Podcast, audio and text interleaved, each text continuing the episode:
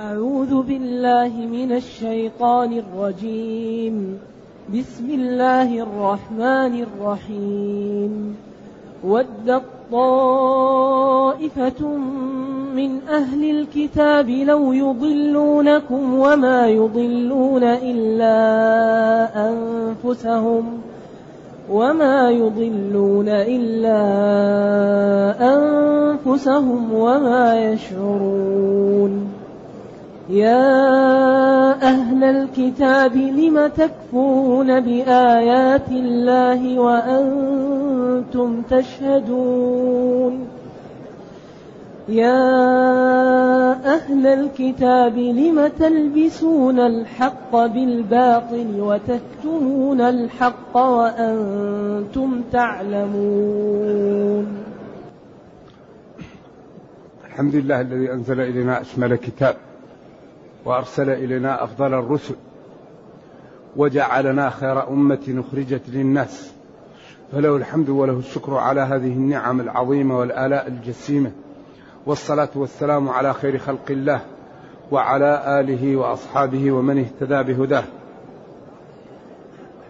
أما بعد فإن الله تعالى يبين ما في قلوب اليهود للمسلمين من كراهية الخير ومحاولتهم لهم الرجوع عن الإسلام.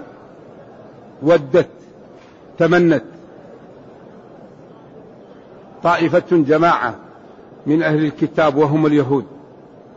وإذا كان فيه نصارى على سبيل التبع.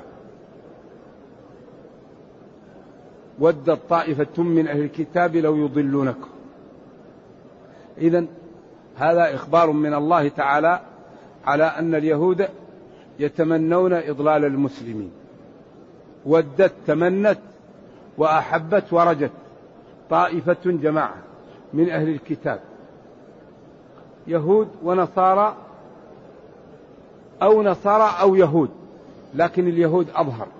وهذا الإخبار الذي جاءنا في كتابنا لنأخذ الحيطة. ولا نحاول أن نسير وراءهم.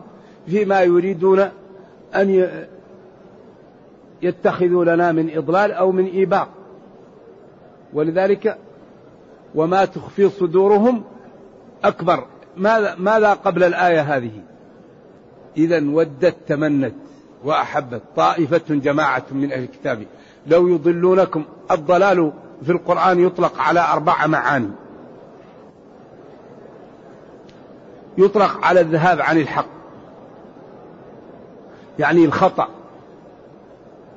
إذا أخطأ الإنسان عن الحق يقال ضل ويطلق على الكفر ويطلق على الاضمحلال والذوبان ويطلق على النسيان. وكل منهم في كتاب ربنا. هنا ودت طائفة من الكتاب لو يضلونكم أي يجعلوكم يعني تبتعدون عن الحق وتنحرفون. أما بالذهاب عن الحق فقوله تعالى حكاية عن أبناء يوسف لأبيهم يوسف يعقوب تالله إنك لفي ضلالك القديم. حيث تختار واحد عن عشرة. يروا أن هذا فيه نوع من الذهاب عن الواقع. أما الضلال بمعنى الذوبان قوله تعالى وقالوا أئذا ضللنا في الأرض أن أئذا ذبنا فيها واضمحللنا وآب مضلوه بعين جلية يعني مقبروه في, في, في القبر وغذر بالجولان حزم ونائل. والضلال بمعنى النسيان أن تضل إحداهما. أيوه. تضل أي تنسى. والضلال بمعنى الكفر كثير في القرآن. ولقد ضل قبلهم. أكثر الأولين. وما أكثر الناس ولو حرصت بمؤمنين.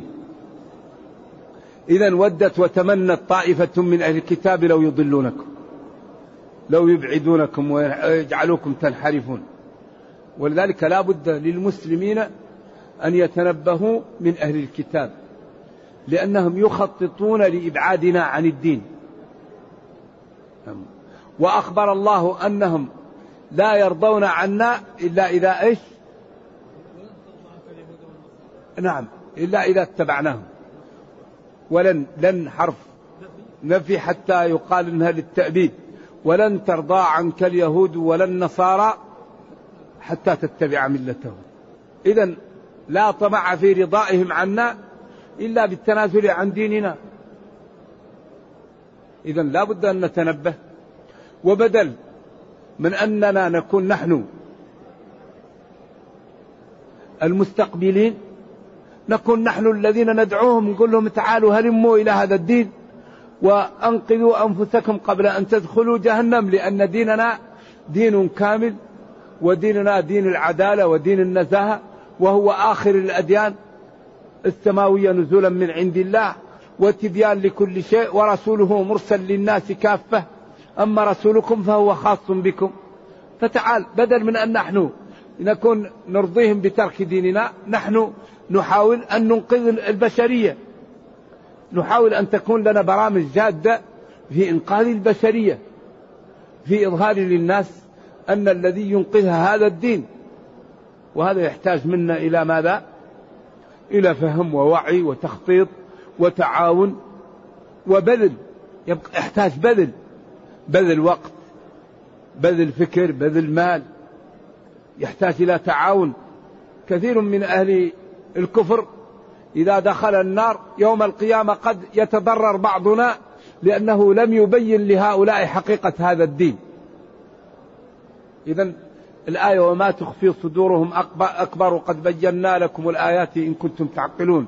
ها أنتم أولئك تحبونهم ولا يحبونكم وتؤمنون بالكتاب كله وإذا لقوكم قالوا آمنا وإذا خلوا عضوا عليكم الأنامل من الغيظ. قد قد بدت البضاء من أفواههم وما تخفي صدورهم أكبر. قد بينا لكم الآيات إن كنتم تعقلون. هذا بيان بعد شيء. أول الآية يا شيخ. يا أيها الذين آمنوا لا تتخذوا اليهود والنصارى أولياء بعضهم أولياء بعض. لكن نحن نتعامل معهم لا نظلمهم. لا نسرق أموالهم. لا نكذب عليهم. لا نخفر ذمة أعوذ بالله. أوفوا بالعقود. يحرم على المسلم أن يخفر ذمة. ولكن هذا كافر لازم نتعامل معه بحذر. هذا في قلبه الكفر. فرق بين أني لا نظلمه ولا نشتمه ولا نسرق ماله. وفرق بين قلب المسلم يكون يعني يحب الكافر. ولذلك التعامل غير المحبة. والحمد لله أن الولاء والبراء مكانه ما لا القلب. هذه نعمة من الله لأن التعامل ليس له علاقة بالولاء والبراء وإنما الولاء والبراء في القلب. ولذلك عمر رضي الله عنه في صحيح البخاري يقول إنا لنبش في وجوه قوم وقلوبنا تلعنهم. هذا في صحيح البخاري عن عمر موقوف على عمر. وفي الصحيح أن النبي صلى الله عليه وسلم لما دخل عليه الأحمق المطاع قال بئس أخو العشيرة. فلما جاءه لا ينه وهش في وجهه. فقالت له عائشة يا رسول الله قلت كذا. قال متى رأيتني سبابا أو شتاما أو لعانا؟ شر الناس من اتقاه الناس مخافة شره. إذا الإحسان إلى الناس والرفق بها وعدم الإساءة إليها هذا مطالب به. حصلت الآية يا أيها الذين آمنوا لا تتخذوا بطانة من دونك من دونكم. لا يألونكم خبالا. ودوا ما عنتم. قد بدت البغضاء من أفواههم وما تخفي صدورهم أكبر. قد بينا لكم الآيات إن كنتم تعقلون. أنتم أولئك تحبونهم ولا يحبونكم وتؤمنون بالكتاب كله. يعني المهم من هذه الآيات تبين خطورة التعامل مع غير المسلمين. لكن هذا التعامل لا نسيء إليهم لا نظلمهم لا نشتمهم لا نأخذ أموالهم لا نخفر ذمة ولكن نتعامل معهم بحذر. لأن الله يقول ومن يتولهم منكم فإنه منهم. لا يتخذ المؤمنون الكافرين أولياء من دون المؤمنين ولا مع المؤمنين. ومن يفعل ذلك فليس من الله في شيء إلا أن تتقوا منهم تقى إذا ودت تمنى طائفة من أهل الكتاب لو يضلونكم لو تنحرفون عن دينكم. وما يضلون إلا أنفسهم لأن هذا الضلال يزيد سيئاتهم فتكون مشكلة عليهم يوم القيامة. لأن من أضل شخصا فإثمه يكون عليه جزء منه. لأن من من سن سنة حسنة فله أجرها وأجر من عمل بها. ومن سن سنة سيئة فله وزرها ووزر من عمل بها. لا ينقص ذلك من أوزارهم شيئا. إذا ودت طائفة تمنت طائفة من اليهود لو يضلونكم. يعني تنحرفون عن دينكم ويبعدونكم عن الدين. وهم بذلك يضلون أنفسهم لأن وبال ذلك سيجدونه وسيجدون العقوبة تزداد عليهم والذنوب تكثر عليهم وما يشعرون بخطورة ذلك وأن محاولة إضلالهم للمسلمين عن دينهم هو إيباق لأنفسهم لأنهم سيعاقبون بذلك وستكون عليهم عقوبة لأجل هذا الأمر. إذا لا بد لنا أن تكون لنا برامج جادة لإنقاذ البشرية. هؤلاء مساكين دينهم محرف. اليهود دينهم محرف. النصارى دينهم محرف. نحن ديننا محفوظ من الله. بما استحفظوا من كتاب الله فضيعوه. أما نحن كتابنا أخبرنا ربنا أنه حفظه. إنا نحن نزلنا الذكر وإنا له لحافظون. لذلك الله أخبر أن المحاب الثمانية إذا كانوا أحب على الإنسان من دينه والعمل لأجل الإسلام فتربصوا. أمر للتهديد. قل إن كان آباؤكم وأبناؤكم وإخوانكم وأزواجكم وعشيرتكم وأموال اقترفتموها وتجارة تخشون كسادها ومساكن ترضونها. هذه المحبة الثمانية. أذكروا لي أي شيء يحب في الدنيا غير هذه. أحب إليكم من الله ورسوله وجهاد في سبيله فتربصوا. أمر للتهديد. حتى يأتي الله بأمره. إذا لابد المسلم أن يكون الإسلام والمسلمين أولا. أول شيء الإسلام قبل نفسه وقبل ماله وقبل ولده. فإذا فعلنا ذلك ارتفع الإسلام بنا وارتفعنا بالإسلام. فإذا كان الإسلام عندنا درجة ثالثة هذه مشكلة. أول النفس والمال وبعدين إيش؟ يأتي الدين هذه مشكلة. قل لهم يا نبي قل لهم يا أهل الكتاب قل لهم يا نبي يا أهل الكتاب يا حرف نداء. أهل الكتاب أصحاب الكتاب وهم اليهود والنصارى. لم تكفرون بآيات الله؟ لم استفهام مقصود به الإنكار والتوبيخ. لم تكفرون بآيات الله؟ وهذه الآيات موجودة في كتبكم. سواء كانت القرآن سواء كان وصف النبي صلى الله عليه وسلم سواء كان ما جاء به أن دينه ناسخ لأديانهم. لم تكفرون بآيات الله الواضحة التي جاءكم في كتابكم أنه يجب عليكم العمل بها. سواء كانت هذه الآيات هو نفس القرآن أو ما في كتبهم من وصف النبي صلى الله عليه وسلم لأنهم يعرفونه كما يعرفون أبناءهم.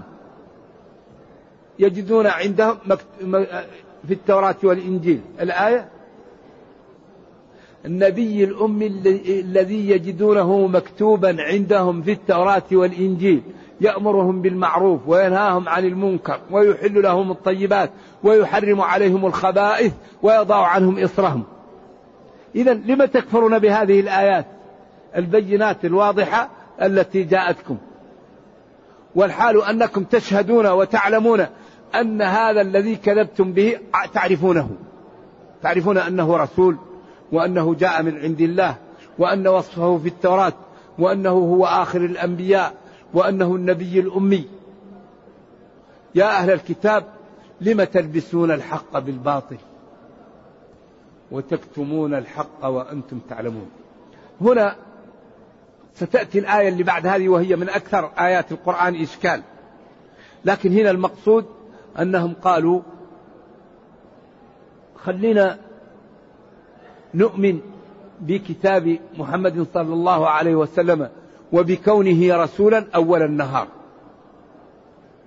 فإذا كان آخر النهار نكفر به عشان ندخل على أتباعه البلبلة ونشوش عليهم. إذا لم تلبسون الحق بالباطل؟ الحق أن تقولوا نحن آمنا وصدقنا بك وأنت رسول. وبعدين لكن أصبر لنا حتى ننظر في أمريكا. فيأتوا ويصلوا الظهر مع الناس ويقولوا نحن آمنا. فإذا كان العصر تركوا الصلاة وقالوا بدا لنا أن دينك فيه مشاكل ويختلف عن ديننا وأنه غير صحيح. حتى يقول ضعاف الناس هؤلاء أهل الكتاب ما تركوا هذا الدين إلا لأنهم وجدوا فيه ثغرات ووجدوا فيه أخطاء. إذا الله وبخهم على لم تلبسون الحق بالباطل؟ الحق الذي لبسوه بالباطل. قولهم آمنا وقالوا كذبنا أو صلوا فرض وتركوا الفرض الآخر. والحال أنكم تعلمون أنكم ما تفعلونه تدبرونه عن قصد وأنتم متيقنون أنه رسول من عند الله وأن ما جاء به هو عين الحق. والحال أنكم تعلمون الواقع. لم تلبسون الحق بالباطل وتكتمون الحق؟ وأنتم تعلمون ذلك. ونتكلم إن شاء الله الدرس القادم على آية وقالت طائفة من أهل الكتاب آمنوا. وهذه من أكثر آيات القرآن إشكال. لذلك لو راجعناها حتى نستعين لنفهمها. لأن فيها إشكالات وتقديم وتأخير واعتراض. ونرجو الله جل وعلا أن يوفقنا وإياكم لما يحبه ويرضاه وأن يجعلنا جميعا من المتقين إنه خير مسؤول والقادر على ذلك. وصلى الله وسلم وبارك على نبينا محمد وعلى آله وصحبه. والسلام عليكم ورحمة الله وبركاته.